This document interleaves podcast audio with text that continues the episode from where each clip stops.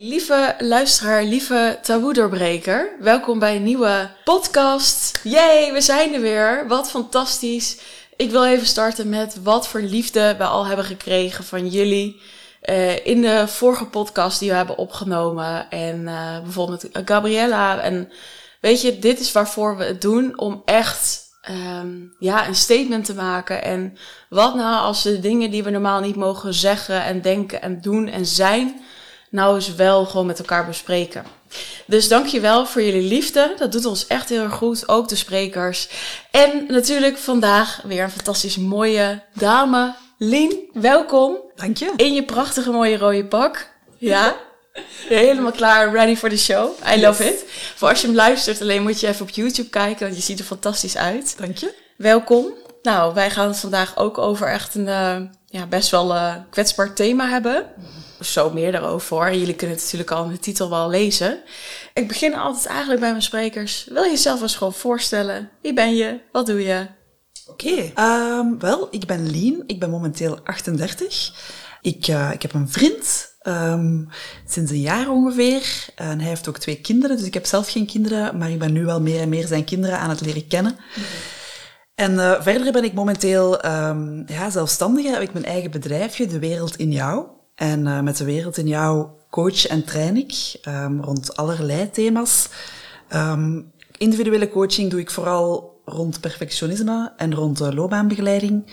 En um, ik geef uh, training in verbindende communicatie voor uh, praatkracht onder andere.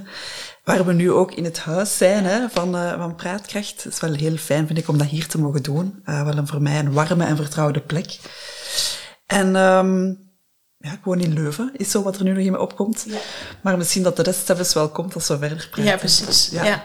ja superleuk. Ja, en voor de luisteraars, er zit inderdaad de praatkracht. En ik zei al van, wow, weet je, het is hier een huis dat helemaal is opgeknapt. En speciaal voor jullie de vergaderruimte en de trainingruimte en, en coaching. Dus het is echt super gaaf. Zou je eens kunnen vertellen wat je precies doet in, in, die job? Ja, um, ik zelf geef bij Praatkracht training in verbindende communicatie. Dat is iets wat ik, ik denk al twaalf jaar geleden leren kennen heb, het gedachtegoed van verbindende communicatie. Dat heeft mij zelf ook heel erg geholpen in mijn herstel, waar we straks ook nog wel gaan over vertellen. En het is mij altijd blijven passioneren en um, op dit moment ben ik trainer, onder andere voor uh, Praatkracht, en geef ik training in verbindende communicatie. Dus dat is zowel soms in bedrijven, zoals je net zei, dat ik um, op vraag van een bedrijf een training ga geven. Maar we geven ook open aanbod voor particulieren, waar dat we hun meenemen in ja, hoe verbindende communicatie je eigenlijk kan helpen om ten eerste zo meer verbinding met jezelf te vinden. Want ja, communicatie doen we heel de tijd in ons hoofd. En ik, ik heb daar ook wel ervaring mee dat ik niet zo verbindend met mezelf communiceerde. Um, eigenlijk met veel oordelen, veel mezelf afbreken en zo. Dat is onder andere ook iets wat ik geleerd heb in het gedachtegoed van verbindende communicatie. Van hoe kan ik ook liever met mezelf communiceren? Hoe kan ik dan ook um, ontdekken van, van waar komt dat eigenlijk, hoe ik me voel? En hoe kan ik dat dan vervolgens ook gaan communiceren met iemand anders op een manier dat ik meer kans heb dat die mij ook kan horen met een open hart. Dus uh, daar gaat het eigenlijk over. Ja, supermooi. En ook wat je zegt van, hè, ik heb het zelf ook gebruikt eigenlijk met je herstel. Nou, dat is natuurlijk waar we, waar we het vandaag over gaan hebben. Nou, ja. ik denk dat we lekker gaan beginnen. Is goed. Dus dan doe ik even onze tune, hè, jongens.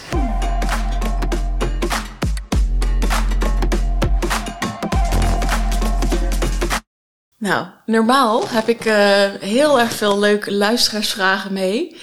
Uh, nou, die zijn vandaag niet gesteld. Ik weet niet waarom. Ik denk mensen zijn misschien druk of vinden het misschien zelfs ook een beetje een spannend thema.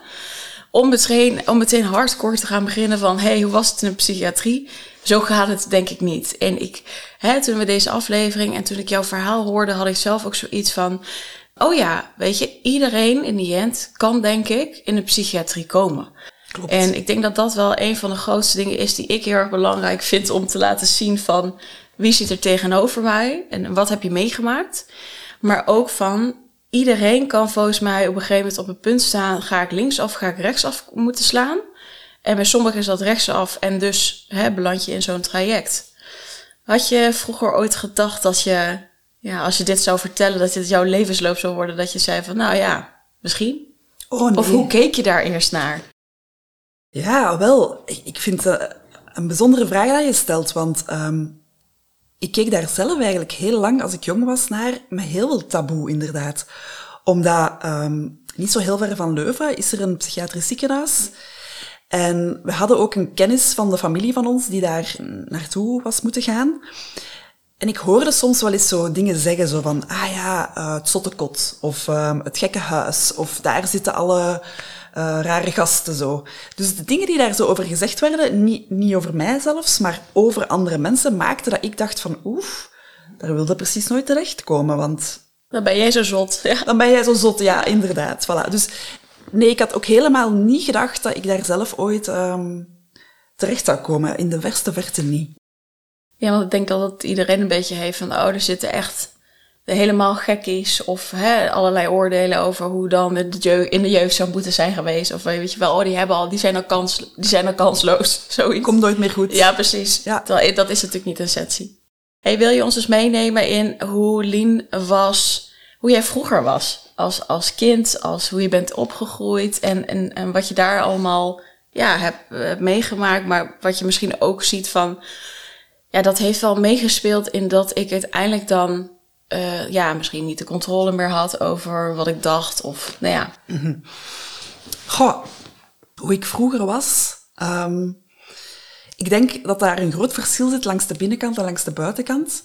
Want ik denk langs de buitenkant was ik eigenlijk een best sociale, spontane meid. En ik deed het ook goed op school. Ik had eigenlijk altijd goede punten, uh, dus ik had daar helemaal geen problemen. Um, ik was goed lachs. Ik was um, langs de buitenkant iemand die me wel volgens mij leek te amuseren. Ik had hobby's enzovoort. Maar dat was wel anders langs de binnenkant. Langs de binnenkant voelde ik me vaak wel heel uh, angstig, heel onzeker ook. Um, eenzaam ook wel op veel momenten. Dat ik me heel eenzaam heb gevoeld. En dat maakte dat ik dan soms zo op mijn kamertje thuis echt, ja, aan het wenen was, aan het schrijven was. Ik heb ook eh, vandaag heel wat schrijfsels meegenomen dat ik al schreef van heel jong. Dat heeft mij ook volgens mij geholpen om dan de gedachten die erin in mij zaten, de gevoelens, om die dan op te schrijven. Dat was zo'n beetje mijn manier om dan toch een plek te vinden om ergens iets van mijn binnenwereld te kunnen laten zien. Zo. Ja, ik denk al van heel jong want ik vind zo schrijfsels terug van als ik 15, 17 jaar was, waar ik echt zo precies wel al heel erg zwarte gedachten heb. Zo. Ik weet dat niet allemaal meer, omdat ik dat een beetje vergeten ben. Maar in die schrijfsels lees ik dat wel terug. Van dat ik ja, toen al zo'n beetje rondliep met een perfect verborgen depressie. Heb ik later in een boek gelezen dat dat kan noemen. Zou je ons willen meenemen wat dat precies is? Voor de mensen die het boek niet hebben gelezen. Ja. Wat dat inhoudt? Ah, wel, een perfect verborgen depressie. Um, het is een boek dat ik pas gelezen heb na mijn eigen depressie, maar waar ik heel veel herkenning in vond. Um, waarin de schrijver ook um, uitlegt hoe heel veel mensen soms met een binnenwereld rondlopen waar ze zich echt heel erg slecht voelen, heel erg zwart, heel erg alleen, heel erg moeilijk hebben in hun binnenwereld. Maar dat zo perfect proberen te verbergen naar de buitenwereld. Gewoon blijven werken, doen alsof er niks aan de hand is, glimlachen, zich opmaken, mooie kleren aandoen. En eigenlijk nergens of bijna nergens laten zien hoe moeilijk ze het eigenlijk wel hebben. En daar kan je soms wel best een eindje mee rondlopen, um, zonder dat de buitenwereld eigenlijk iets door heeft. Toen we zo denken aan, toen ik opgenomen werd, toen waren er heel veel mensen die heel erg verschoten waren. Die zoiets hadden van, huh? Lee? Jij? Ja. ja. Het gaat toch allemaal goed? Jij, jij, jij werkt, jij, jij lacht, jij, jij doet leuke dingen. Allee, ze, veel mensen vielen echt uit de lucht. En ik denk dat sommige mensen dat ook wel gaan herkennen van sommige mensen bijvoorbeeld die zelfmoord plegen. Dat mensen ook heel erg verschieten, zo van, huh? Ik had het niet zien aankomen. Dat is niet bij iedereen zo, hè. bij andere mensen die, die dat wel. Maar bij mij was dat toch ook zo, dat heel veel mensen zo echt uit de lucht vielen van, huh? Jij? Dus dat, dat is een perfect verborgen depressie. En waar, waar had je zelf het gevoel dan, uh, hè, wat maakt voor jou wat, dat je dat ja, zo naar binnen houdt? Wat was voor jou dan de reden? Wel, um, dat was heel angst, heel veel schrik van wat mensen van mij zouden denken. Heel veel ja, angst om er niet meer bij te horen, om ook zot gevonden te worden. Om ook die gekker te zijn die iedereen raar zou vinden en die er niet meer zou bij horen. Um, ja, ik denk dat vooral toch. Dat is echt ook, eh, dat, dat noem ik ook um, dat patroon van perfectionisme. Hè, zo willen proberen blijven doen alsof het perfect is voor de buitenwereld. Want wat gaan de mensen van me denken? Ga ik dan nog wel oké zijn? Het was echt een groot taboe voor mij zo. Hoe slecht ik me voelde, hoeveel angsten ik had. Um, heb ik heel lang proberen verborgen te houden. Ja. Ik kan misschien één voorbeeldje daarvan geven. hoe verborgen ik het probeerde te houden. Ja. Want mijn allereerste opname um, was op een afdeling van angst en depressie. Dat was een opname van drie maanden. En je kon daar eigenlijk uh, op twee manieren in opname gaan. Je kon op, op bed gaan. Dat betekent dat je daar blijft slapen drie maanden lang. Echt volledig opgenomen.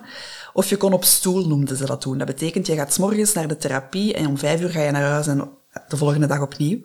En dan werd hij zeker van jou. Dan ja. kon je eens aan de buitenkant, uh, hè? Voilà. En er is niks aan de hand. Dat is hem. Ja. En ik weet nog heel goed, ik zat toen heel diep en op bed kon ik meteen en op stoel moest ik nog drie maanden wachten.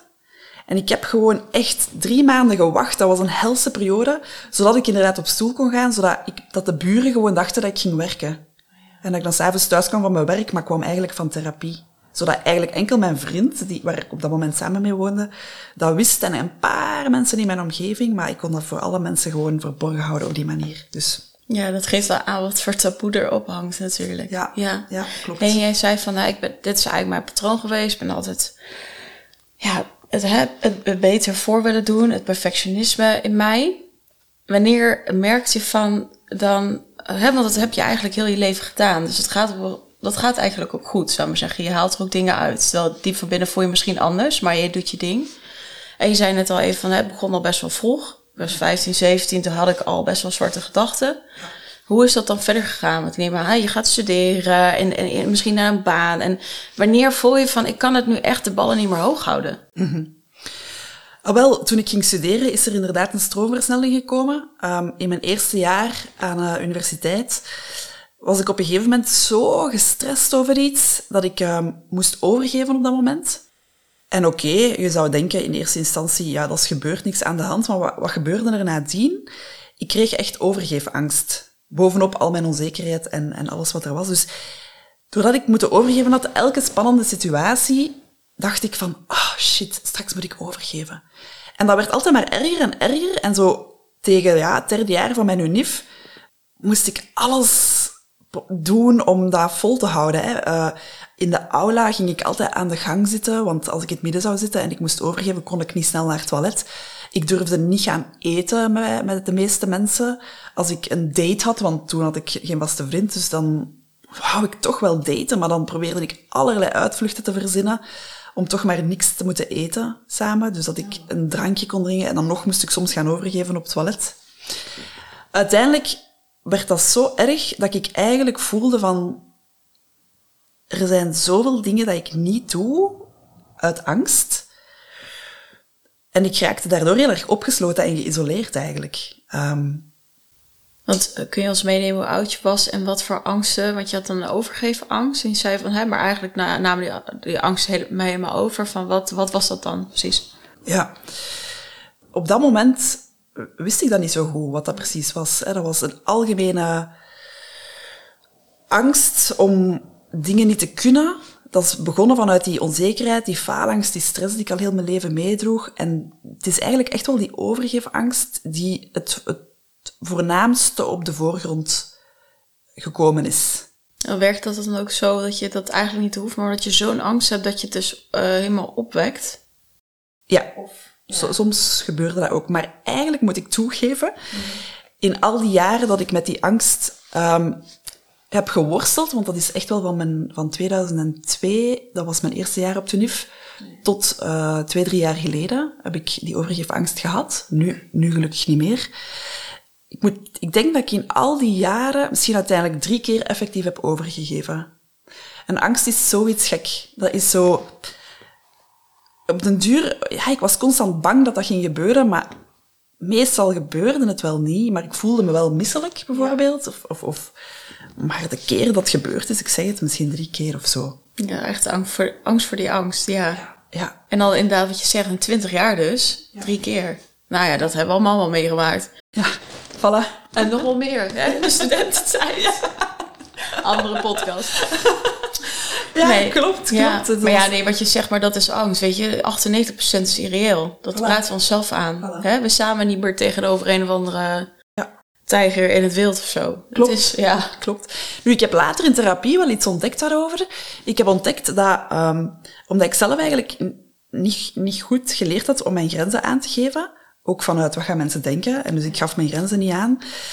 En eigenlijk heeft die angst mij op sommige momenten uit situaties gehaald dat, ik, dat niet oké voor mij waren.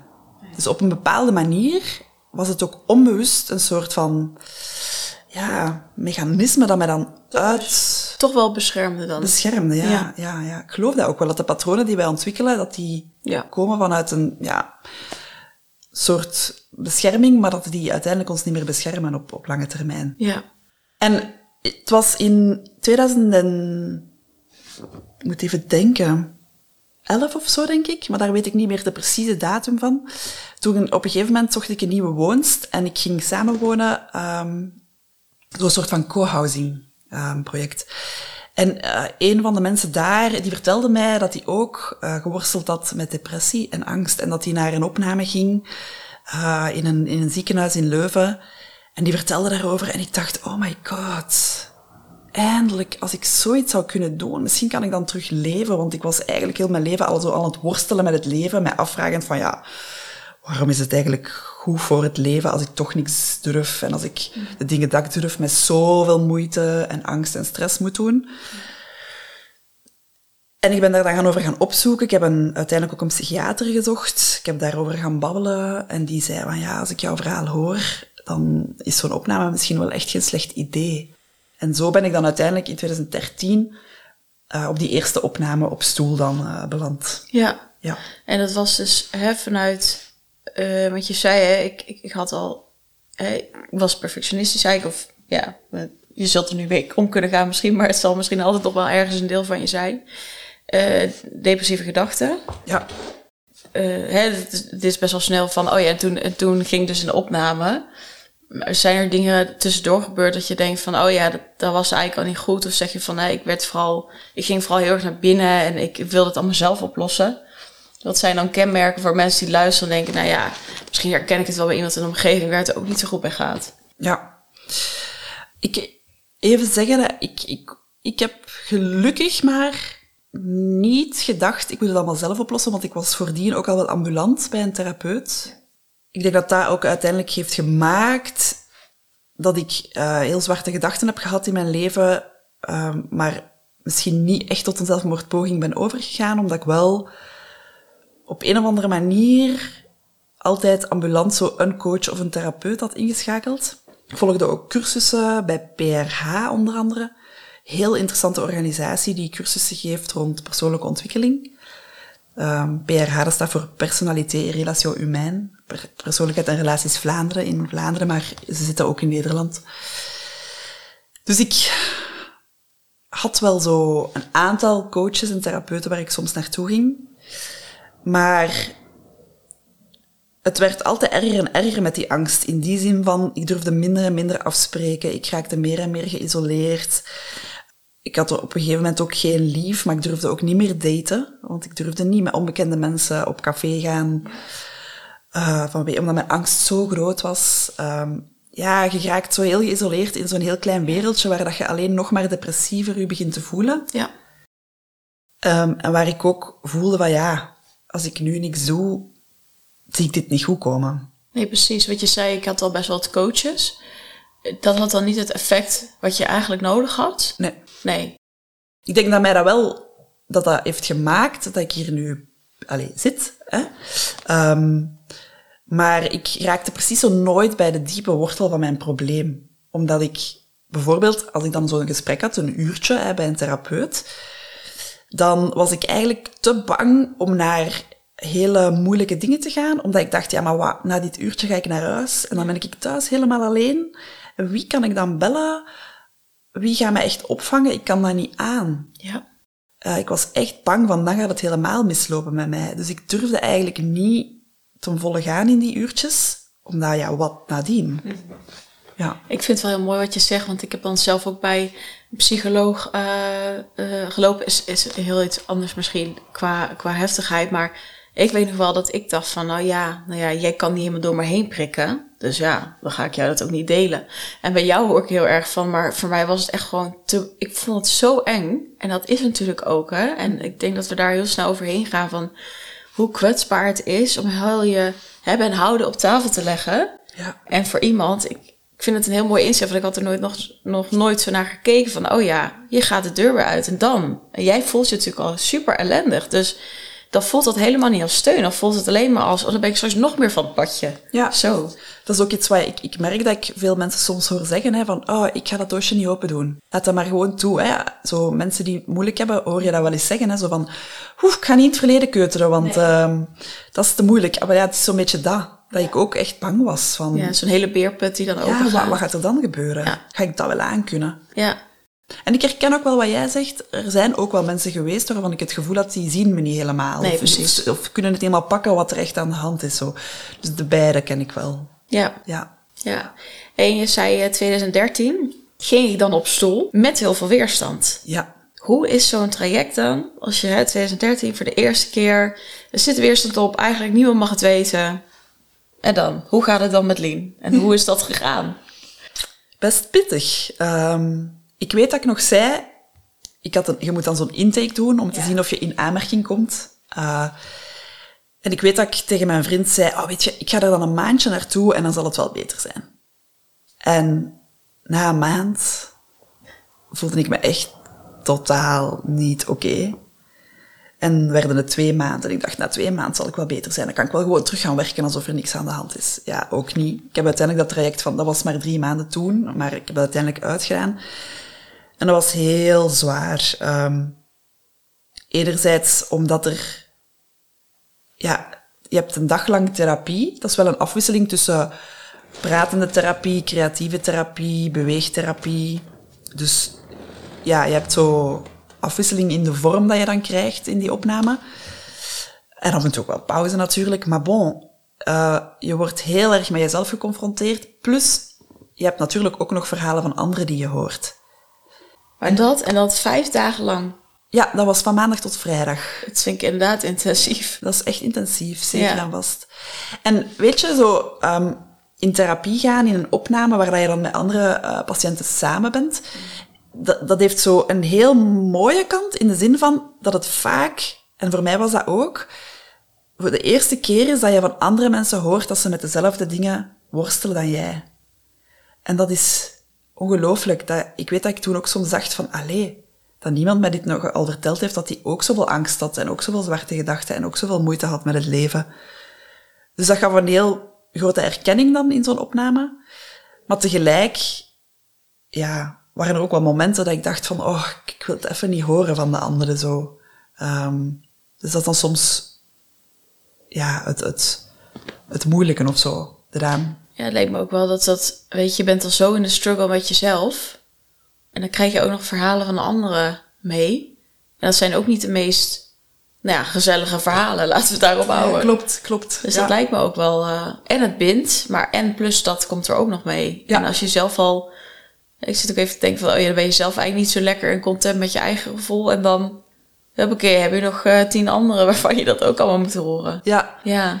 Ja, het was heel dubbel, maar het bindt ook, like ja. je zegt ook. Hè. Ik, moet zeggen, ik ben heel blij. Dus dat was mijn eerste opname. Ik heb er later nog uh, gehad. Um, dat had ik toen ook niet verwacht. Ik dacht, na die drie maanden, nu ben ik oké okay voor het leven. Maar dat was ja. niet het geval.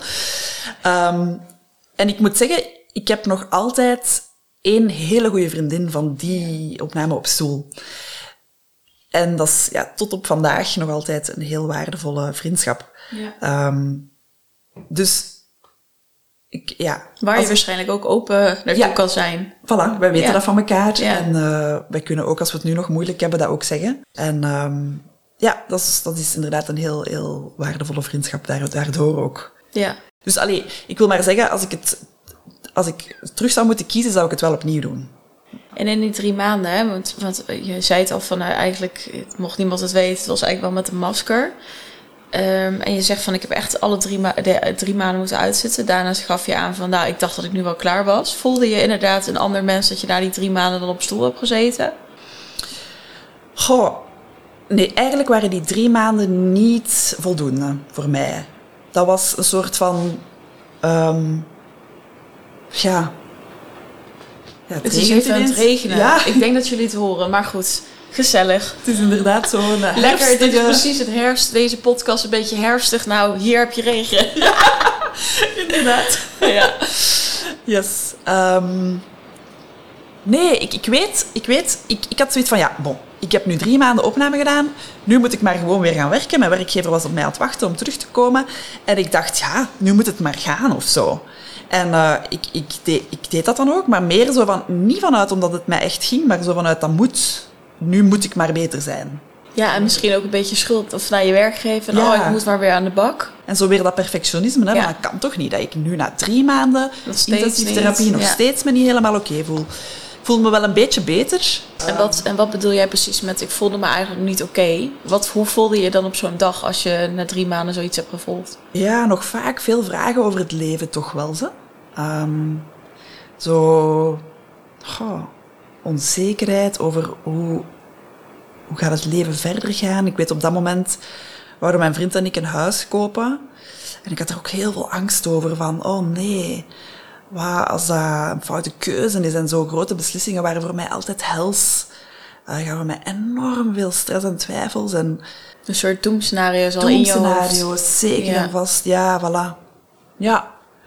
En ik, ik, ik heb uiteindelijk dat huis gekocht op het einde van die opname, omdat dat ook, ik had daar ook veel over gepraat met de therapeuten daar. En, en dat leek me echt toen wel een goede keuze. Op zich ook goed dat ik dat gedaan heb. Maar toch, er waren nog, die drie maanden waren niet genoeg geweest om echt tot, tot zelfvertrouwen te komen helemaal. Of echt zo al door die moeilijkheden te geraken. Zo. Ik, ik weet dat ik beginnen werken ben dan na die drie maanden, zo vanuit het moed. Maar dat ik eigenlijk niet kon. Ik, was, ik had hoofdpijn, ik had... ehm, eh, ik was ook misselijk. Och, ik ben nog iets heel belangrijk vergeten te vertellen.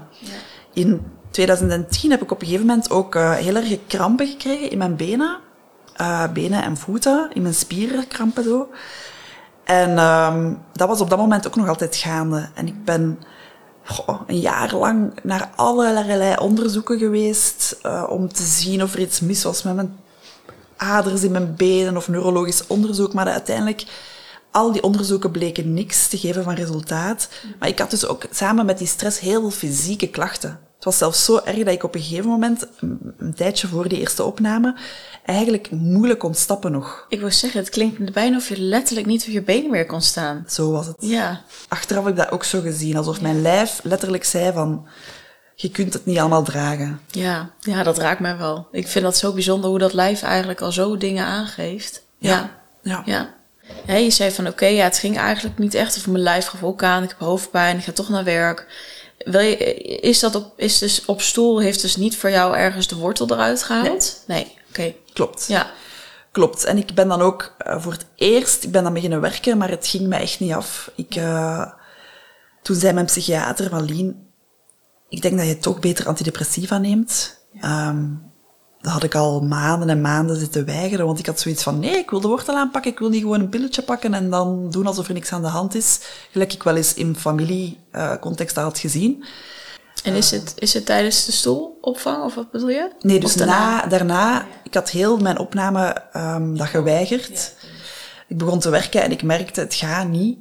Maar ik wou mijzelf toch echt pushen om, dat toch te doen. En dan ben ik uiteindelijk heb ik een jaar antidepressiva genomen.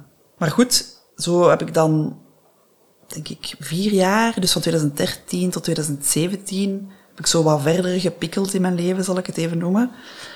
En in 2017 ging ik uit elkaar met de vriend waar ik dan een huis mee gekocht had ehm, in 2013. En toen, na die breuk, ehm, ja, is alles wat ik al die jaren zo wel een beetje precies bij elkaar kon houden, eh, precies helemaal in duigen gevallen.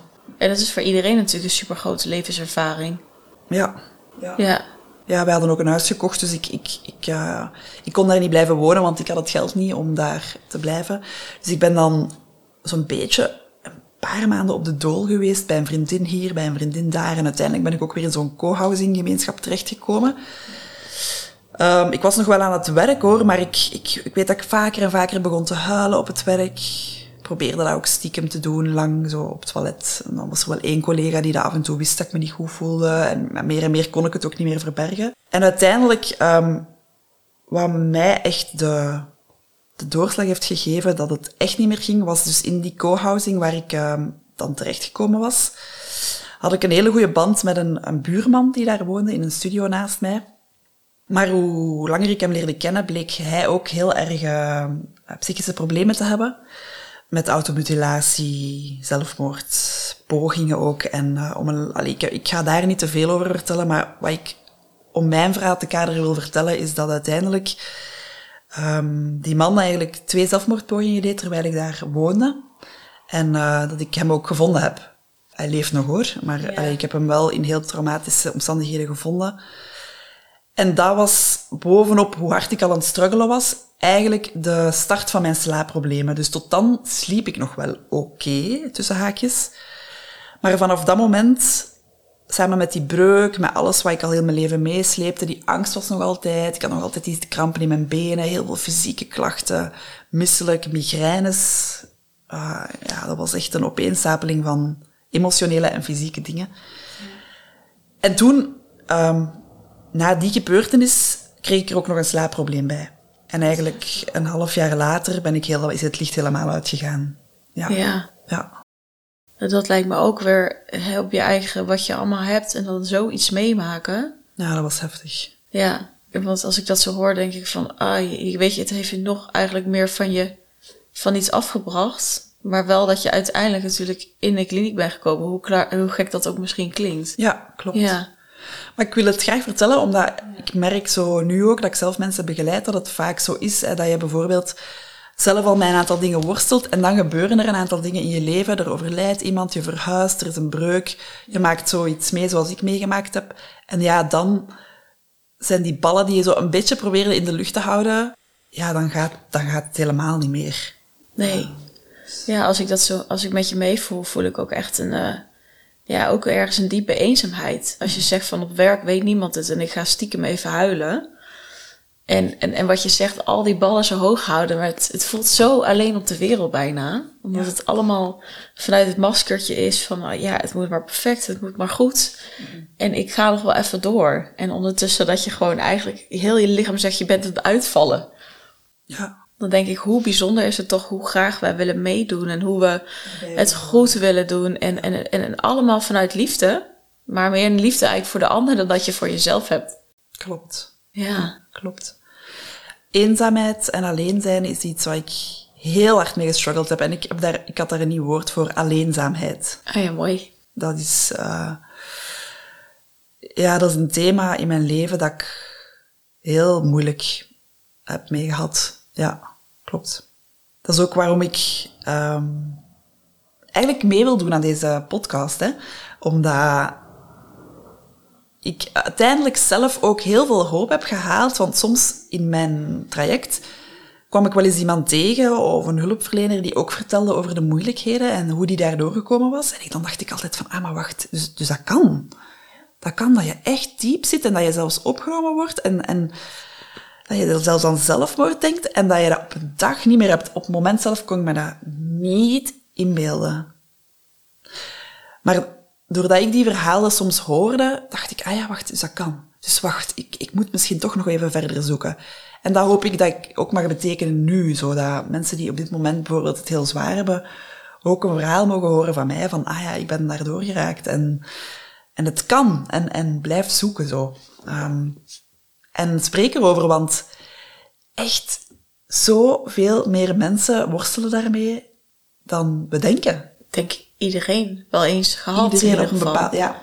En ook weer, want dat denk ik ook wat je, ik vind het heel mooi wat je aangeeft van, nou, alsjeblieft doe dat. Dat is ook helemaal de intentie van deze podcast natuurlijk. Maar als we gaan zien dat iedereen het wel eens heeft en dat het ook niet is van, je zit hier nu als hele krachtige vrouw naast mij. Maar ja, dat misschien ook wel eerlijk is. Soms inderdaad heb ik nog ook uh, niet zo toffe ideeën, gevoelens, weet ik het wat. Mm. En als we dat gaan zien, dan is het helemaal van waarom zouden we niet over hebben? Want iedereen heeft het. Ja, ja. klopt. Ja. Ik vind dat echt heel belangrijk. Ook, uh, allee, om misschien nog een taboe te doorbreken. Ja, we, zijn, we zitten hier niet voor wat? We, ja. zitten, we zitten hier Come on. um, op dit moment neem ik ook nog altijd antidepressiva. Ja.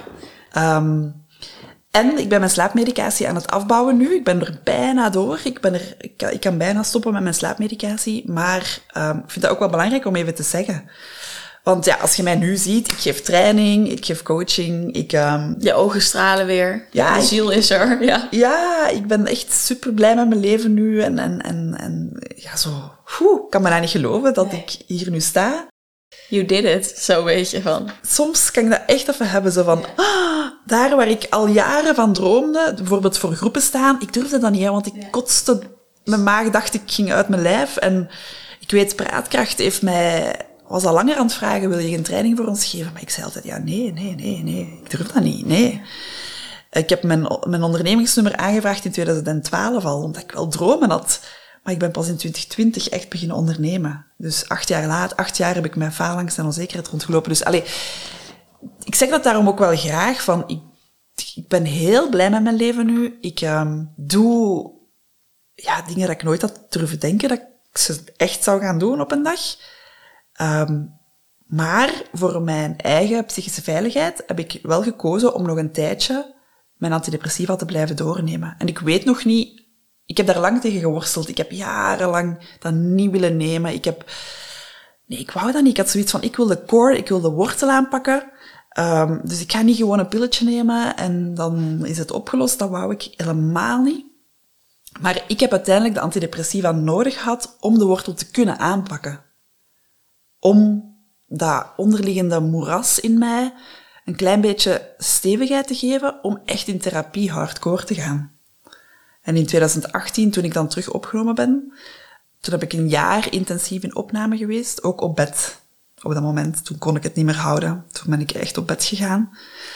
Um, ben ik terug met antidepressiva begonnen in 2018.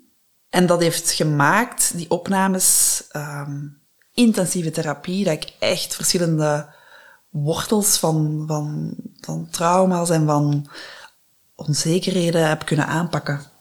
Dus mij heeft dat echt geholpen om, om te gaan werken aan mijn psychisch welzijn. ik vind het wel mooi, want we hadden het ook even over. In de andere podcast kun je misschien horen van... oh ja, voor mij heeft niet gewerkt. En voor jou heeft het dus juist gewerkt. En ik denk dat dat iets heel moois is. Um, ja, wat, wat is precies dan de wortel geweest? Waar kon je eerst niet bij, waar je dan door dat middel wel erbij hebt ja, kunnen komen? Wel, het heeft zo wat te maken met wat ik daar straks vertelde. Toen ik ambulant naar een therapeut ging, toen um, kon ik precies nooit doorgaan, want ik heb ook EMDR-therapie geprobeerd. Net voor ik mijn opname in 2018 inging, ging ik bij een EMDR-therapeute. Het is ook zij die die opname heeft aangeraden voor mij. Omdat op een dag uh, had ik zo'n slaapprobleem dat ik, uh, ik had al drie, vier nachten echt niet meer kunnen slapen. Ik was echt een zombie en ik had die ochtend een gesprek bij haar. En ik kon nog net bellen om te zeggen van, sorry, ik kan niet komen. En ik huilde, ik huilde. Ik zeg, ik heb al drie nachten niet geslapen. Ik kan niet op mijn been staan. Ik viel echt bijna letterlijk om. En zij zei tegen mij, Lien, het is duidelijk dat wij in ambulante therapie niet kunnen doorwerken. Omdat jij, ja, niet genoeg steun voelt, dat, dat wil niet zeggen dat die steun er niet was. Want ik weet dat sommige mensen, als ze dit zouden horen, zeggen, ja, maar wij waren er toch? Ja, ja, maar ik, ik had het gevoel dat ik dat binnenste kon blootgeven. En um, ik kon dus echt niet doorwerken. En door dan...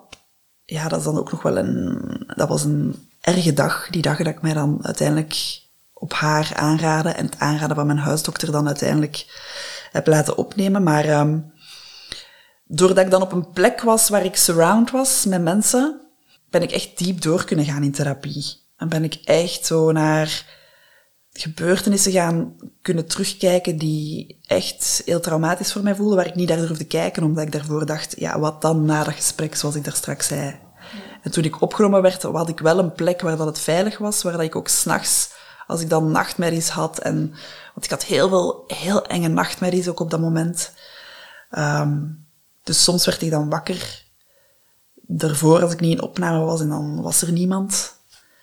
Daar was er dan een nachtverpleegkundige waar ik dan tenminste eventjes naartoe kon wandelen en, en huilen of, of iets zeggen van hoe moeilijk ik het had, dat ik weer niet kon slapen. Um, dus het heeft echt gemaakt dat ik in therapie echt naar naar moeilijke situaties ging kunnen kijken. Bijvoorbeeld, ik heb wel wat seksueel overschrijdend gedrag meegemaakt toen ik jong was. Dat was iets wat ik lang vergeten was. Dat is in 2010 ook ineens um, na een verdringing naar boven gekomen. En in die jaren van 2010 tot 2018, ik durfde daar niet echt naar gaan kijken, want ik dacht van ja, waar blijf ik dan daarna over op mijn zetel alleen? En in therapie met die medicatie had ik de kracht en de surrounding om echt dat te helen. Ik vind het wel heel mooi dat zo'n omgeving en hè, dus voor jou wel antidepressiva uh, en, en, en de sport die je dan voelt, zo'n jaar, dat dat wel maakt van oké, ik kan daar dus bovenop komen. Want het heeft zo lang zo groot gevoeld dat je denkt, ja, ik wil er niet aan. Mhm. Ja, mhm. ik denk ook wel veel, bij veel uh, nee, vrouwen, mannen waarschijnlijk ook, maar dat het echt in een verdringing komt. Dus dat het zo, ook, ja. ja. dat het zo intens is voor je lijf en, en alle, het hele systeem. Ja. ja. Was dat voor jou een van de, de wortels, zou ik maar zeggen? Dat je zegt van daar, dat is wel een reden, ja, ergens in essentie, dat, dat dat dan bij mij zo is geweest dat ik ja, daardoor helemaal een andere kant op ben gegaan? Ja, dat, dat en het zwijgen. Ik denk zo, ik zeg altijd, het codewoord in mijn familie, als ik daar achterop op terugkijk, was zwijgen. En um, ik had bijvoorbeeld al um, een aantal dingen dat ik lang wou zeggen tegen mijn, tegen mijn moeder, maar dat ik niet durfde. En ik denk dat zij dat ook niet durfde, want ik had haar al gevraagd om mee naar therapie te komen, maar zij, zij, zij, zij wou dat niet. Ik denk dat ze echt niet durfde. En toen ik opgenomen ben op bed, is ook hun ja, ja, ik weet het niet, inzicht gekomen van wauw, het gaat echt niet goed met Lien. En toen, um, toen is zij ook meegekomen uiteindelijk. Ik heb dat dan gevraagd met hulp van de therapeut of zij dan ook mee wouden komen. En dan zijn er eindelijk ook dingen gezegd geweest dat ik al jaren mee zat, dat ik nooit durfde zeggen. Um, zijn dan in die therapie met die support van die therapeuten dan ook uiteindelijk gezegd zijn, ja. Dat vind ik wel bijzonder, want en het is voor jou maar het is ook voor je ouders. Ja. Zij kunnen waarschijnlijk ook dingen zeggen. Omdat jij dingen niet zei, hebben zij ook dingen niet kunnen zeggen, snap je? Ja, ja, zeker. Dus, dat, dat ja, dus elkaar, het is alle twee. Ja. ja. Hey, zou je, want je hebt uh, dagboekjes mee, zou je ons eens wat uh, fragmenten willen voorlezen? Mm -hmm. Wat je speciaal mee? Ja. Uh, van jouw dagboek. En dat je even vertelt, ja, wat het, je hoort ons even lekker kraken, jongens, hè? uh, van je opname. Want het is natuurlijk niet niks. En uh, wat je net al zei, ik vind het heel mooi. Ik heb het, ik heb het net al even mogen horen, jongens. En uh, ik denk wat je zelf zegt van dit is echt iets wat me er doorheen heeft geholpen. Dat ik het wel op deze manier kon uiten. Dus ik denk dat dat ook een hele mooie is voor mensen. Is het, is het uiten nog heel moeilijk? Start ook eens met gewoon dingen voor jezelf op te schrijven. Want het is zo, ja, zo waardevol. Klopt. Ik denk dat dat mijn geluk is geweest dat ik van jongs af aan al in dagboekjes heb geschreven. En dan was er tenminste een plek waar ik mijn binnenwereld liet zien. Hè. Ja. Goh, ik heb hier bijvoorbeeld dat fragmentje toen ik um, uh, na mijn drie maanden op bed in um, 2018 ben ik in een intensieve therapiegroep gestart. En dag drie schreef ik het volgende op. En dat laat voor mij zien hoe spannend het is om in therapie te gaan en in opname te gaan. Um, ja, ik lees het even voor. Ja. Uh, dag drie in het psychosociaal centrum. Plots ben ik bang. Bang om binnenste buiten gekeerd te worden. Merk op dat ik dat ook in het dagelijkse leven heb. Schrik dat mensen me echt gaan zien en me dan niet goed genoeg gaan vinden en gaan afkeuren. Schrik ook voor confrontaties. Schrik om niet goed genoeg gevonden te worden. Brr. Voel ook dat ik schrik had om iets te zeggen. In de therapiegroep dus, hè. Uit angst om iets mis te zeggen en een alertheid had. Zo van, jeetje, alles gaat hier zo nauwlettend in het oog gehouden worden. Alles wat ik doe, gaat hier onder de loep genomen worden. Ik voel me daar precies enorm kwetsbaar bij. Echt angst om kwetsbaar te zijn. En ja, misschien vooral de angst om niet goed genoeg te zijn. Ja, het raakte mij net ook. Ik denk dat hierin zit zo de angst die iedereen heeft, dat je je eigen essentie laat zien en dat dat niet goed genoeg zou zijn. Ja. Daarom doen we zo hard ons best om maar ja, het beter te doen, een ander te zijn. Alles wat we meemaken en wat, wat niet goed genoeg zou zijn volgens de maatschappij of weet ik het wat, je ouders, maar gewoon helemaal weg te stoppen. Klopt. Dat is wat ik nu ook met mensen doe in perfectionisme coaching. Ja. Om daar naar te kijken. Hè. Ja. Ik weet, dat, ik weet dat nog heel goed. Super kwetsbaar fragment ook. Ja. ja. Je voelt ook echt de angst en oh ja, oh god, het gaat nu echt beginnen. Oh, ze gaan hier echt naar mij kijken. Ja. Ik, ik vond dat heel eng. Ja. om die therapie te starten. Poeh. Uh, ik had nog een fragmentje over de lente dat Ja. ik uh, misschien kan delen. Um, ik weet dat ik heel vaak heel erg boos ben geweest als mensen. En soms zijn er zelfs hulpverleners geweest die zo zeiden... Straks gaat de zon weer schijnen, Lien. Dan zul je wel beter voelen. En ik had echt zoiets van... Oh, Hou je bek. ik wil je nek omvliegen. Ja. Want voor mij was het feit dat de zon ging schijnen... maakte het vaak dat ik me nog slechter voelde. Want dan zag ik iedereen op terrasjes zitten... En ik kon niet mee op een terrasje gaan zitten, omdat ik me zo slecht voelde. En dat maakte het mij alleen nog erger als de zon scheen. En in, in uh, februari 2019 had ik een klein stukje daarover geschreven. Eigenlijk kijk ik op tegen de lente. Alles komt weer in bloei, terwijl ik me niet in bloei voel. Iedereen is precies weer blij, terwijl ik me niet blij voel. Ik zou precies liever in de winter blijven. Ook het gevoel niet te weten met wie moet ik op vakantie gaan. De lente lijkt leuk te moeten zijn, terwijl het voor mij niet leuk voelt. Alsof het de eenzaamheid nog meer versterkt. Ja, het raakt me nu weer. Het raakte me net al.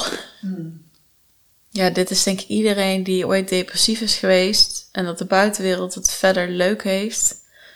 Dat is zo hartstikke pijnlijk soms. Ja. Ja. En vooral, ik heb, ik heb de indruk dat de buitenwereld vaak denkt, oh, als het zomer wordt, dat gaat voor die mensen die zich slecht voelen ook wel goed doen. Precies. En soms kan dat wel. Hè. Ik, ik hou niet van veralgemeningen, dus je hebt altijd mensen die dan misschien zeggen, oh, mij doet het echt wel deugd. En mensen die in de winter zeggen, door de donker voel ik me wel depressiever. Maar het is vaak ook omgekeerd en dat vergeet men wel eens. Ja. Dat net de zomer en de lente extra moeilijk zijn als je je slecht voelt. Ja. Want in de winter kon ik gewoon incognito onder een dekentje met een chocomel thuis zitten. En alle andere mensen zaten in mijn hoofd toch ook thuis. Precies. Ja. Dus ja, dat had ik in corona trouwens ook. Ik heb uh, het eerste jaar dat corona was en lockdown was, ik vond dat soms echt, ik, ik vind het moeilijk om te zeggen, maar ik vond dat soms fijn. Want dan, was ik, dan voelde ik mij minder alleen. Ja. Want ik zat thuis, soms alleen. En iedereen was het. En ik dacht, ja, goh, de meeste mensen zitten toch alleen. Ja, Dus en we mogen toch niks. Voilà. Ja. Dus ik vond dat, omdat ik me zo slecht voelde, net, ja, net fijn of zo. Of ja, fijn is, is niet het juiste woord, maar... Ja, maar net of je dan hè, daar, dat je toch bij hoort, dat, je, dat iedereen eigenlijk een beetje in Ja. hetzelfde erbij hoort. Klopt. Want iedereen heeft het. Ja. Klopt. En anders voel jij van, oh ja, iedereen is weg en ik zit thuis. Klopt. Ja. Iedereen is leuke dingen aan het doen. Ja. En het grappige is, op dat moment denk je dat ook echt, hè, dat jij de enige bent en dat iedereen leuke dingen aan het doen is. Terwijl ja, in mijn opname, en nu ontdek ik meer en meer, dat er dus nog mensen op dat moment Ja. depressief in hun zetel zaten. Maar op dat moment voelt je je zo alleen. Dat, dat, Ja. ja. Niet nog een mooi fragment? Eh, ik ga eens even kijken. Hoe is het om, om terug te lezen? Zullen ook wel veel mensen zich afvragen. Goh. Wat doet dat met je? Want wat ik hoor is vooral hoe dichtbij het eigenlijk is. En dan vind ik het zo gaaf dat je hier nu zo zit en zo het leven leeft waar je van droomt en het gewoon doet. En ik denk dat dat ook wel heel mooi is van, oh wacht, het hoeft niet... Het, tuurlijk, het heeft lang bij je geduurd, dat weet ik. Maar het kan ook toch wel best wel snel in een vaart vooruit en positief dan. Goh ja, na jaren van therapie is het sinds 2020 bij mij eindelijk een doorbraak gekomen, ja. Ja. In 2020, nu twee jaar, ben ik eigenlijk terug aan het werk. En Maar ik bedoel inderdaad vanaf de doorbraak dat je opeens een zo ander leven kan ja, hebben. klopt. Klopt. Tuurlijk is het lang. Natuurlijk heb je je hele leven er misschien wel mee gestruggeld, dus dat is, is lang. Maar Klopt. ja, Ja, ik heb het gevoel dat tot mijn 35 heb ik echt gestruggeld met het leven en mij afgevraagd waarom ik hier was. Heb ik het nooit erg gevonden als ik dood zou zijn. Ik dacht dat vaak, oh, als ik morgen overreden word, doe maar. Ik vind dat echt niet erg. En inderdaad, van het moment die doorbraak er was, is mijn leven wel inderdaad snel helemaal veranderd. Klopt. Ja. voor iemand die luistert en denkt, ah, ik ben inderdaad bijvoorbeeld al 28 en ik voel me niet happy, vind ik dit wel heel mooi. Want ja, je zou nooit meer terug willen, zou ik maar zeggen. Hè? Je, dit is gewoon wat je nu doet, punt. Ja. Wat was de doorbraak precies dan? Eigenlijk mijn opname in het psychosociaal centrum. Daar ehm, heb ik een intensieve groepstherapie gevolgd. En ja, ik had toen schrik van ze gaan mij hier helemaal binnenste buiten te keren, maar eigenlijk hebben ze dat ook wel gedaan. Hij was maar goed. Ja. Dat is maar goed ook, ja.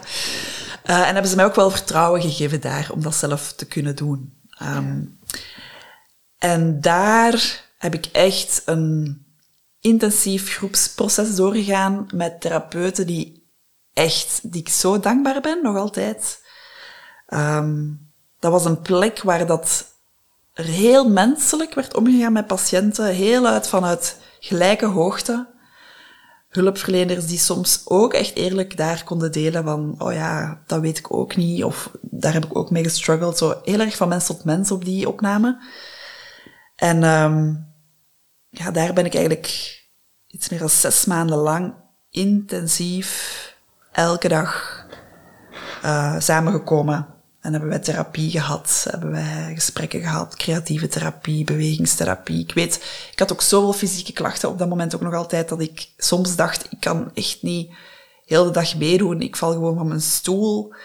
Zij hebben mij geholpen om dan ook te beginnen met overdag niet meer te slapen, om mijn dag- en nachtritme terug juist te krijgen. Zij hebben mij echt gezien. Ik, want ik had vaak in mijn leven het gevoel, ofwel zagen mensen dus dat mijn vrolijke sociale uh, stuk, wat ik lang veracht heb, omdat ik dacht dat klopt niet, maar nu weet ik het klopt wel. Dat is ook echt van mij, maar er is ook een ander stuk in mij. Dat kleine, zielige, fragiele stuk dat heel onzeker was. En daar hebben ze zo precies voor het eerst die twee echt samen gezien. Zo van, ik... Je bent en-en. En-en, ja. ja. Niet of-of, maar ik was daar echt en-en voor die therapeuten. Ja. Ja. Kun je ons eens meenemen in, in, in zo'n week? Want je zegt, ik heb creatieve therapie. Ja. Eh, waar, en welke therapie heb jij nou het meest gehad? Of heb je zoiets gehad van, oh, wow, het werd ineens zichtbaar toen ik een schilderij moest maken of zo. Ik zeg maar even wat, het klinkt heel stom, maar ik kan me wel voorstellen dat het soms zo werkt. Um, het was niet zo één moment bij mij. Niet zo één, uh, ja, maar wel verschillende momenten. Ik denk wat voor mij het meeste gedaan heeft, is wel de groepstherapie. Dus dat, dat... Met hoeveel mensen zit je dan? Goh, met hoeveel waren wij ook alweer? Met tien of zo, denk ik. Tien. En dan twee therapeuten erbij? Ja. ja. En sommige sessies één. Dat, dat, was een beetje afwisselend, ja.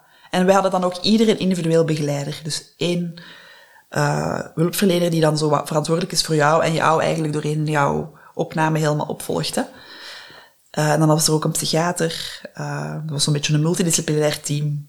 Uh, van een muziektherapeut tot een gewone psycholoog, tot een psychiater, tot een bewegingstherapeut, creatief therapeut. Maar ik denk dat de groepstherapie voor mij het meest gedaan heeft, want ik heb in die groep moeten leren om mijn muur af te doen. Ik heb daar, denk ik, zelfs ook nog twee maanden ook een beetje zitten doen alsof en op den duur word je zo uitgedaagd door de therapeuten en door jouw medegroepsgenoten om wel echt te delen wat er nu aan de gang is, of waar het nu echt over gaat. Wat ook interessant is, je maakt in die groep dezelfde soorten interacties mee dan dat je in je dagelijkse leven meemaakt. Zo'n beetje een, een soort van dagelijks leven in een klein labo, waar dat je dan kan gaan kijken van, oh, hoe reageer ik nu? Ik zwijg weer bijvoorbeeld. Dat was dan iets waar ik niet akkoord over was. En dan zweeg ik weer. En dan ging ik me onzeker voelen ten opzichte van iemand anders. En dan was ik niks waard in mijn eigen hoofd. En dat gebeurde dan in die groep. En dan ging ik daar mee aan de slag in real life met die therapeut. En dat is voor mij eigenlijk... Dat heeft mij zoveel inzicht gegeven en zoveel kracht van hoe, als ik het wel deelde, dat ik dan uiteindelijk wel tot oplossingen kwam, zowel met mede-patiënten als met hulpverleners dat gecombineerd met creatieve therapie en mijn, mijn fysieke werk ook wel, want ik had heel veel fysieke klachten. Ik had eigenlijk, ze hebben mij zogezegd drie diagnoses gegeven. Depressieve stoornis, angststoornis en somatoforme stoornis noemden ze dat toen. En somatoforme stoornis, dat is eigenlijk gewoon een term voor dat je al je stress en moeilijkheden lichamelijk uit. Dus tot eraan toe dat ik niet meer kon stappen dat ik migraines had. Ik was ook constant ziek met luchtweginfecties. Ik denk ook, hè, als ik daarna ook wat meer de, de alternatieve geneeskunde gaan opzoeken ben, hè, zo, de luchtweginfecties staan dan voor mij ook wel symbool voor de ik die altijd zweeg. En mijn longen die eigenlijk dat misschien ook teruggaven van je moet spreken, want anders zijn we ziek of zo. Ja, dus het was dat, denk ik het. En je zei, uh, de therapeut en de groep, dreef je eigenlijk naar dat je jezelf echt moest laten zien? Wat, wat kan ik daar dan concreet bij voorstellen? Is er iets wat dan gezegd is? Of is het een oefening? Of... Zo, het waren oefeningen en het waren vragen die je kreeg. Hè. Bijvoorbeeld, stel dat ik um, net gehuild had en ik zat dan in de groep en ik keek bijvoorbeeld naar beneden en ik zei niks een hele sessie lang, dan, um, dan werd je daar bijvoorbeeld wel op aangesproken van Eileen, we zien dat je niet deelneemt, dat je naar beneden kijkt. Wat gaat er in je om? En dan werd je daartoe uitgenodigd. Dus eigenlijk gewoon het spiegelen van het gedrag wat je weer laat zien. Ja. ja. ja. En ook op die interpersoonlijke interacties um, werd je dan aangesproken um, door de therapeuten en soms ook door groepsgenoten, want ontstonden, ontstonden er ook conflicten of spanningen in die groep. Hè. En dan, uh, ja, we blijven mensen. We blijven mensen, ja, ook daar. En dat is net hoe het werkt, die groepstherapie, want dan kan je met die spanningen gewoon iets doen. Um, en ook daar heb ik nog uh, enkele vriendinnen aan overgehouden. Uh, Gezellig, naar de therapie. Ja, ja. Oh, we zijn je vriendinnen. Ja. En dan komt het taboe weer terug. Want ik weet nog, zo vorig jaar, um, toen ik mijn lief ontmoette, hè, en dan spreek je af met je vriendinnen, en dan spreek je op een gegeven moment ook af met die vriendinnen die je dus leren kennen hebt in opname, in een psychiatrie. Mm.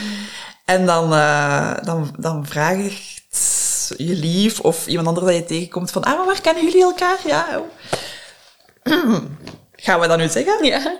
Of gaan we het toch maar weer doen alsof er niks aan de hand is? Oh, je hebt het gezegd, dus neem ik Ik heb het gezegd, ja, ja. ik weet er alles van. Ja. Um, maar ja, zo zie je, maar ik merk dat nu ook nog altijd op mijn Instagram, um, hoe bang ik toch nog soms ben om erover te praten, dat ik, dat ik enkele opnames heb gehad in, in de psychiatrie. En um, ja, dat, daarom vond ik het zo fijn dat ik mocht meedoen, omdat ik dacht van, ja, maar Nelien, ik wil er echt wel over praten omdat ik inderdaad wil laten zien, maar iedereen kan het meemaken. Allee, één op vier Belgen bijvoorbeeld heeft Ja. ernstige psychische problemen in In België leven. gaat het niet uh, altijd goed met de cijfers, hè? Nee, Ja, echt. nog slechter dan in Nederland. Ja, ja, ook de zelfmoordcijfers zijn denk ik heel hoog bij ons. hè. Ja, klopt. Dus, allee, eh, Voel je dat zelf ook van, dat heeft met onze cultuur te maken? Dat wij inderdaad meer naar binnen slikken? Ik denk het wel. Want ja, dat is een beetje wat jullie, eh, hè, jullie Belgen soms irritant vinden. Volgens mij aan bijvoorbeeld mij als een Nederlander, die is er en die deelt. En soms een beetje too much misschien. Maar ik kan me wel voorstellen als je naar binnen klapt, dat het dus allemaal op je eigen, nou ja, je eigen, in je eigen keel en je schouders en je benen gewoon mee uit, uh, ja, dat je het allemaal zelf aan het dragen bent. Klopt, klopt. Uh, ik vind dat net heel leuk hè, dat Nederlanders zo open zijn. ik heb in mijn eerste jaar aan de universiteit zat ik samen met heel veel uh, mensen uit Nederland. Ik denk dat mij dat ook geholpen heeft om, Ah, ja. om zo, ah ja, we mogen wel spreken en we moeten niet zwijgen en, en, en zo. Ja. Hè.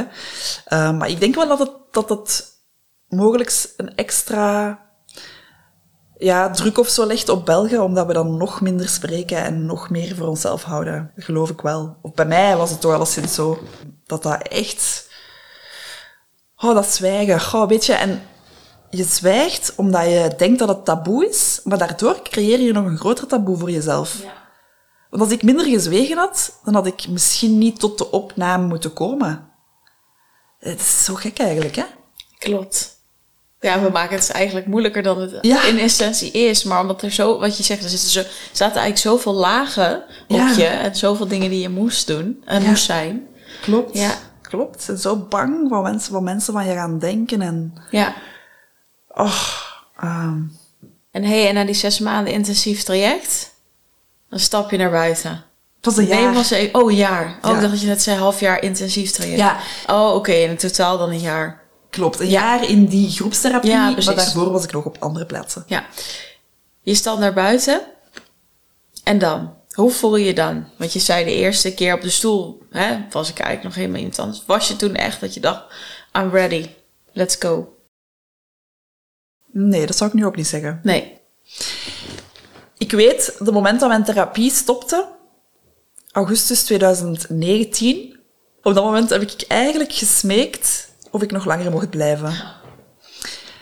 Maar mijn therapeuten hadden zoveel vertrouwen in mij op dat moment. Ze hebben mij dat ook eerlijk zo gezegd. Ze zeggen, Lien, we horen jouw smeekbeden, hè, maar um, wij geloven dat dit de sprong is dat je nu moet nemen. En het was ook niet zo van, het is klaar nu. Er was nog nazorg, gelukkig. Dus ik heb een paar maanden lang um, regelmatig nog een gesprek gehad. Ik kon er nog eens af en toe een sessie meedoen. Um, dus er was gelukkig een beetje een overgang daar waar ik, waar ik opgenomen ben geweest. Ik weet dat dat niet altijd op elke plek zo is. Dat zou ook nog wel beter kunnen in de, in de geestelijke gezondheidszorg. Maar zij hebben mij eigenlijk echt moeten duwen. Ja, het, het voelt heel erg van, ik had eigenlijk niet vertrouwen in, ga ik dit dus buiten de deur goed kunnen doen? Klopt. Ja. Klopt. Ik, het was heel eng. Om zo, zonder die groep, waar dat je, ja, elke ochtend kom je samen, hè, en als het moeilijk gegaan is de avond of de nacht ervoor, dan kan je er iets van zeggen. En ineens gaat dat er niet meer zijn. En ik was voor het eerst in mijn leven alleen gaan wonen, dus ik heb nooit alleen durven gaan wonen, omdat ik te bang was om alleen te zijn. Die alleenzaamheid gaf mij echt existentiële paniekaanvallen. Maar in die opname heb ik in 2019 de stap genomen om alleen te gaan wonen. Dat was ook part of mijn therapie. Maar ja, toen dat, toen dat, dat ging stoppen, dacht ik, ja, oh, en nu ga ik alleen wonen zonder hun. dus ze hebben mij echt een duwtje gegeven en ik heb achteraf gezien, ik heb hun vertrouwen wel gevoeld. Dus ik heb een beetje op hun vertrouwen moeten teren om te springen. En uiteindelijk bij je eigen vertrouwen te kunnen komen. Ja. En wat ik toen gedaan heb, ik heb uh, aan uh, Corrie Laura van Praatkracht ik, had, uh, ja, ik, had, ik kende op dat moment uh, verbindende communicatie al vele jaren lang. En ze hadden mij ook aangeraden in therapie, begin met vrijwilligerswerk of zo te doen. Hè, dat je toch iets zinvol terug kan doen en, en dat je ook eh, terug ritme leert, dat je lijf verder kan wennen aan ritme. En ik weet dat ik toen uh, gebeld heb en gevraagd heb, goh, zou ik mogen assisteren in een, in een training? Zou ik dat terug mogen oppakken waar ik tien jaar geleden ben, ben gestopt? En zij was super enthousiast. Ze heeft mij... Ze was eigenlijk kei blij dat ik eindelijk na al die jaren contact opnam. En ik ben dan mogen beginnen assisteren in een uh, training in verbindende communicatie. Ik heb ook vrijwilligerswerk beginnen doen in Leuven voor anderstalige nieuwkomers. Die ik dan zo op woensdag ging ik een uurtje met hen praten om Nederlands te leren. En ik heb echt zo stapje per stapje de tweede helft van 2019 zo, ja, met vrijwilligerswerk en assistentwerk te Uit doen. je comfortzone eigenlijk. Ja. Ja. ja. ja, ben ik terug beginnen opbouwen. Ja. En dan ben ik in 2020 uh, gaan solliciteren bij een psychosociaal revalidatiecentrum in Leuven. Waar ik altijd had gezegd, daar wil ik niet naartoe, want daar wil ik ooit zelf werken. En uh, ja, uiteindelijk in februari van 2020, twee weken voor de lockdown, ben ik daar mogen beginnen. En ik weet, die twee eerste weken dat ik daar werkte, waren hel. Ik had terug hoofdpijn. Ik dacht, ik ga dit niet kunnen. Oh nee. En toen kwam de lockdown en ik was zo blij. Want ik moest blijven werken, maar van thuis. Dus ik had veel minder prikkels in de pauzes. Ik kon in de pauzes de meditatie doen. Me even zelfs leggen op mijn bed. En dat eigenlijk heeft de lockdown mij geholpen, dat eerste jaar dat ik terug aan het werk was, om te werken, maar toch met een stuk minder prikkels. En zo ben ik dan eigenlijk stapje per stapje verder gegaan, mijn bijberoep terug begonnen en dan sinds deze maand, ik ben eigenlijk tot september, ben ik zo nog op ziekenkast geweest. En nu niet meer, dus uh, ik vier het. Ja, um, groot gelijk. Ja. ja. um, maar dus, laat ons zeggen, het was niet dat, ik wou dat vooral vertellen, omdat het was niet zo dat de opname gedaan was en dat het dan zo direct was van, oh, en nu ben ik er klaar voor. Helemaal nee. niet. Het is echt nog een proces van nazorg geweest van stapje per stapje ook in het dagelijks leven vertrouwen winnen. Um, van naar mijn therapeut blijven gaan. Nu sinds een jaar heb ik geen therapeut meer. Wel ja, ik wou net vragen van hoe zit het nu? Ja. ja. ja. ik heb wel nog altijd een coach, maar ik ben zelf ook coach en ik geloof er heel erg in dat als ik mensen wil begeleiden, ja, jij ook. Ja, ik ook, hetzelfde. Dat je zelf het proces moet gaan. En dus ik ben ook nog altijd in coaching. Um, Ik denk dat ik ook heel mijn leven ga blijven doen.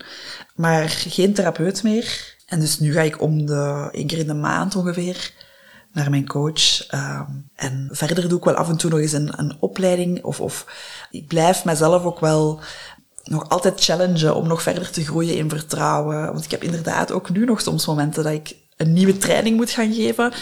En dat ik denk, oh, damn, ga ik dat wel kunnen? En dat ik oh, helemaal even in die phalanx terugkom. Maar doordat ik zelf die perfectionisme coaching heb gedaan, kom ik daar veel sneller uit nu en doe ik het wel. En, en ja, die stemmen zullen toch ook wel blijven, weet je, als Soms nieuwe dingen doen. nog, ja. ja. zeker bij nieuwe dingen, inderdaad. Ja, klopt, ja. klopt. En ja, het gaat er voor mij over van hoe ga ik nu met die stemmen om? Ja, precies. En dat kan ik beter. Of ik kan ook beter uitreiken als ik het moeilijk heb. En ik heb soms nog dagen dat ik denk, oh, ik ben helemaal alleen. Wie kan ik nou bellen? En dan moet ik precies een uur nadenken. Ik had dat twee weken geleden op een maandagavond. Ik had lesgegeven aan de hogeschool. Ik had daar ook mijn herstelverhaal verteld. En ik weet niet, ik was die avond ineens heel verdrietig. En dan heb ik precies zo een uur in mijn appartement zitten rondwoelen, denkende van, ja, wie, wie kan ik nu bellen? Tot ineens een goede vriendin in mijn hoofd popte. Ik dacht, ja, natuurlijk. En ik, belde haar en ja, we hebben een uurtje gebeld en dat heeft me superveel deugd gedaan. Dat, inderdaad, het is nu niet allemaal uh, roze geur en maneschijn, maar het is wel op een manier dat ik... Ik heb zo echt het gevoel dat dat onderliggende moeras weg is uit mij. Ja. Ja, maar ik, weet je, ik voel wat je zegt van, natuurlijk, maar je blijft mens. Dan zou je nooit meer iets meemaken. Maar ik, ik voel wel van, oké, ik kan daar nu heel anders mee omgaan. En dat zorgt voor die power in mij of zo. Dat ik ook vertrouwen heb van, oh ja, ik kan dit. En niet meer, uh, ik heb heel verleden daar en die en, no en, alles nodig. Dus dat is wel echt een wereld van verschil natuurlijk. Echt een wereld van verschil. Ja. Ja, ja. En je gaf het ook al even aan in ons gesprek. Hè? Ik wil uh, wel stoppen met slaapmedicatie. Ja. Dus dat is spannend. En antidepressiva misschien ook ooit. Ja. Um, heb je daar ook wel vertrouwen in? De slaapmedicatie heb ik intussen vertrouwen in. Ja. Ja. Omdat ik echt nu aan zo'n lage dosis zit. Ik kom van 200 milligram uh, trazodone en ik neem nu nog 25 milligram. En ik, ik ben er eigenlijk zeker van tegen het einde van 2022 kan ik daarmee stoppen. Ja. Um, dus daar heb ik heel veel vertrouwen in. Antidepressiva, dat weet ik nog niet. Ik heb mezelf eigenlijk nu um, gegund om daar geen druk op te leggen voor mezelf. Ik kan me zelfs inbeelden dat ik het heel mijn leven zou nemen. Dat kan. En ik ben ook een beetje voorbij het taboe, of, of wel een beetje bij de aanvaarding dat dat een optie zou kunnen zijn. Ja. Maar daar, dat ik wel, um, dat ik ook een heel zinvol en heel waardevol en heel betekenisvol leven kan leiden, ook met het werk dat ik doe, ook als ik dat zou blijven nemen. Dat wil niet zeggen dat ik tegelijkertijd ook wel denk dat als ik, als ik nu bijvoorbeeld nog een jaar of twee jaar echt mij goed blijf voelen, dat ik dan misschien ook kan denken om daar te kijken of ik ermee kan stoppen. Misschien omdat ik dan ook wat andere dingen kan gaan doen. Ik ben ook wel geïnteresseerd om ooit, um, zoals Gabriella van de vorige podcast met cacao bezig is. Ik, ik ben daar wel benieuwd naar. Maar dat mag je niet doen hè, als je antidepressiva neemt. Dus wie weet is dat wel een fijne reden ook om op die manier hè, dat als doel te nemen van oké, okay, misschien kan dat wel. Maar ik ben wel rustiger geworden in de zin van...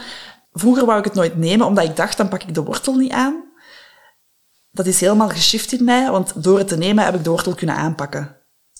En daardoor vind ik het misschien wel oké dat ik het nog even neem. Ik wil zeggen, want bij de wortel is natuurlijk weg. Dus dan zou ik denken van, nou, let's go en laten we het leven weer helemaal ervaren misschien. Ja. Maar ik heb het gevoel dat ik het leven helemaal ervaren. Bij mij is het niet zo dat antidepressiva... Allee, misschien merk je dat ook wel. Allee, ik ben helemaal niet afgevlakt of zo. Ik ben... Ik, ben, ik voel alles. Ja, het is niet het is niet zo dat ik denk, oeh, ik leef een stuk van mijn leven niet daardoor of zo. Nee. Zo voelt het voor mij nu niet. Ja, misschien uh, kunnen we nog eens opnieuw een podcast doen binnen twee jaar ja, en kijken waar ik dan sta. Dat is goed. ja. ja, ik wil vooral ook het taboe doorbreken we zijn, ja, de medicatie. Ja. ja. Uh, ik wil zeggen, want we zijn inderdaad ook al uh, lekker een dik uur bezig. Dus uh, ik vind het eigenlijk wel een hele mooie afsluiter. Laten we dat lekker doen. Dat is goed. Ja. Wil jij nog iets uh, in onze luisteraars of kijkers uh, meegeven waar je zegt... dit is even nog het laatste wat ik echt met je wil delen? Of heb ik alles al gezegd? Ook helemaal goed. Dan moet ik even voelen zo... wat wil ik echt nog delen? Ja, er komt iets in mij op van... blijf zoeken. Blijf zoeken. En dat kan in de allee, de, de, de westerse geneeskunde zijn met de opname zoals ik ook gedaan heb, maar ik heb zelf ook gezocht in alternatieve geneeskunde. Um, maar blijf zoeken, want het is, het is, er bestaat zoveel en soms ken je echt nog maar zo'n beetje van de hulpverlening die er bestaat op allerlei vormen en manieren. Ik geloof erin dat er voor iedereen iets bestaat dat echt kan helpen zo. En je mag voelen wat je voelt. Weet je, ja, ik heb zo lang op mijn kop gegeven omdat ik me tristig voelde, of als ik me angstig voelde, of me depressief voelde. Maar dat is des levens en, en je mag voelen wat je voelt. De wereld in jou mag er zijn. En mijn eigen bedrijfje noemt nu ook de wereld in jou, omdat ik, dat komt omdat ik lang precies de wereld op mijn schouders heb gedragen. Ik was ook heel veel bezig met de onrechtvaardigheid in de wereld. Maar ik was daar machteloos naar. Ja, precies. En ik heb op een gegeven moment moeten leren, wat ik, wat ik wel kan doen, is de, de wereld in mij en de wereld in jou, zo de mensen naast mij, versterken.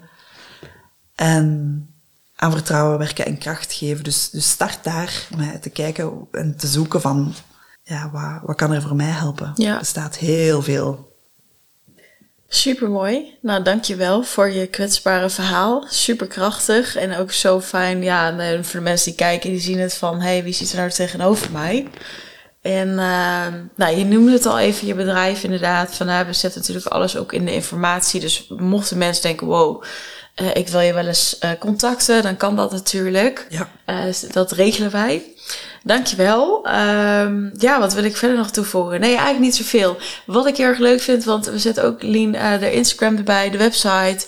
Als je dacht van nou, wauw, mooi gesprek, weet je, voor jou ook leuk. Als je natuurlijk berichten krijgt, denk ik. Zeker. Dus laat het ons weten, of Ja. via Taboekast dat we doorsturen, of dus aan Lien, uh, wat je ervan vond, wat je eraan hebt gehad. En uh, ja, ik zeg altijd, deel het ook vooral eventjes met je vrienden. Laat even iets achter in uh, de comments of, of een supermooie review natuurlijk. Want dit mag gewoon nou ja, naar zoveel duizenden mensen in Nederland en België. En dat is ook onze missie, dus daar zal je ons heel erg mee helpen.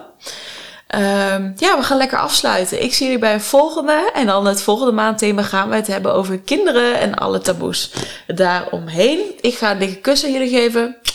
Doei! En Lien ook, zie ik. Tot de volgende.